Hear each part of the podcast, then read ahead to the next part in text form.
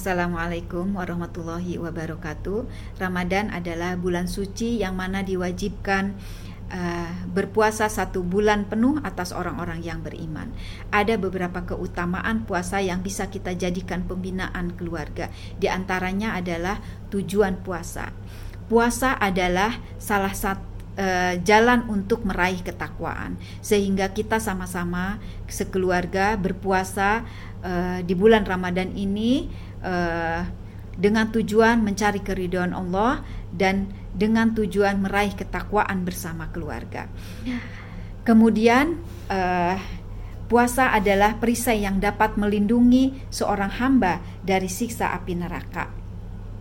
Di dalam keluarga senantiasa saling mengingatkan dari hal yang uh, mengarah kepada dosa, juga saling menjaga hati, saling uh, memaafkan karena keutamaan puasa juga akan mendapatkan uh, ampunan dosa. Uh, kemudian puasa adalah jalan kita menuju pintu Ar-Rayyan.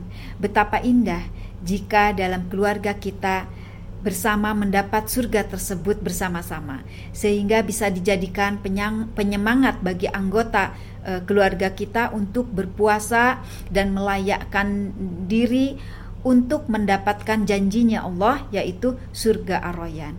Kemudian di bulan suci Ramadan juga adalah waktu yang mustajab yang dikabulkannya doa-doa kita.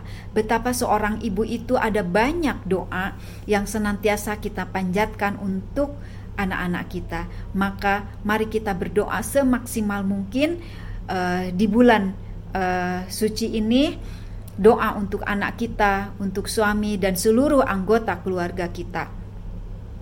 Selamat menjalankan ibadah puasa di bulan Ramadan 1443 Hijriah. Semangat mencapai uh, takwa bersama keluarga tercinta. Insya Allah.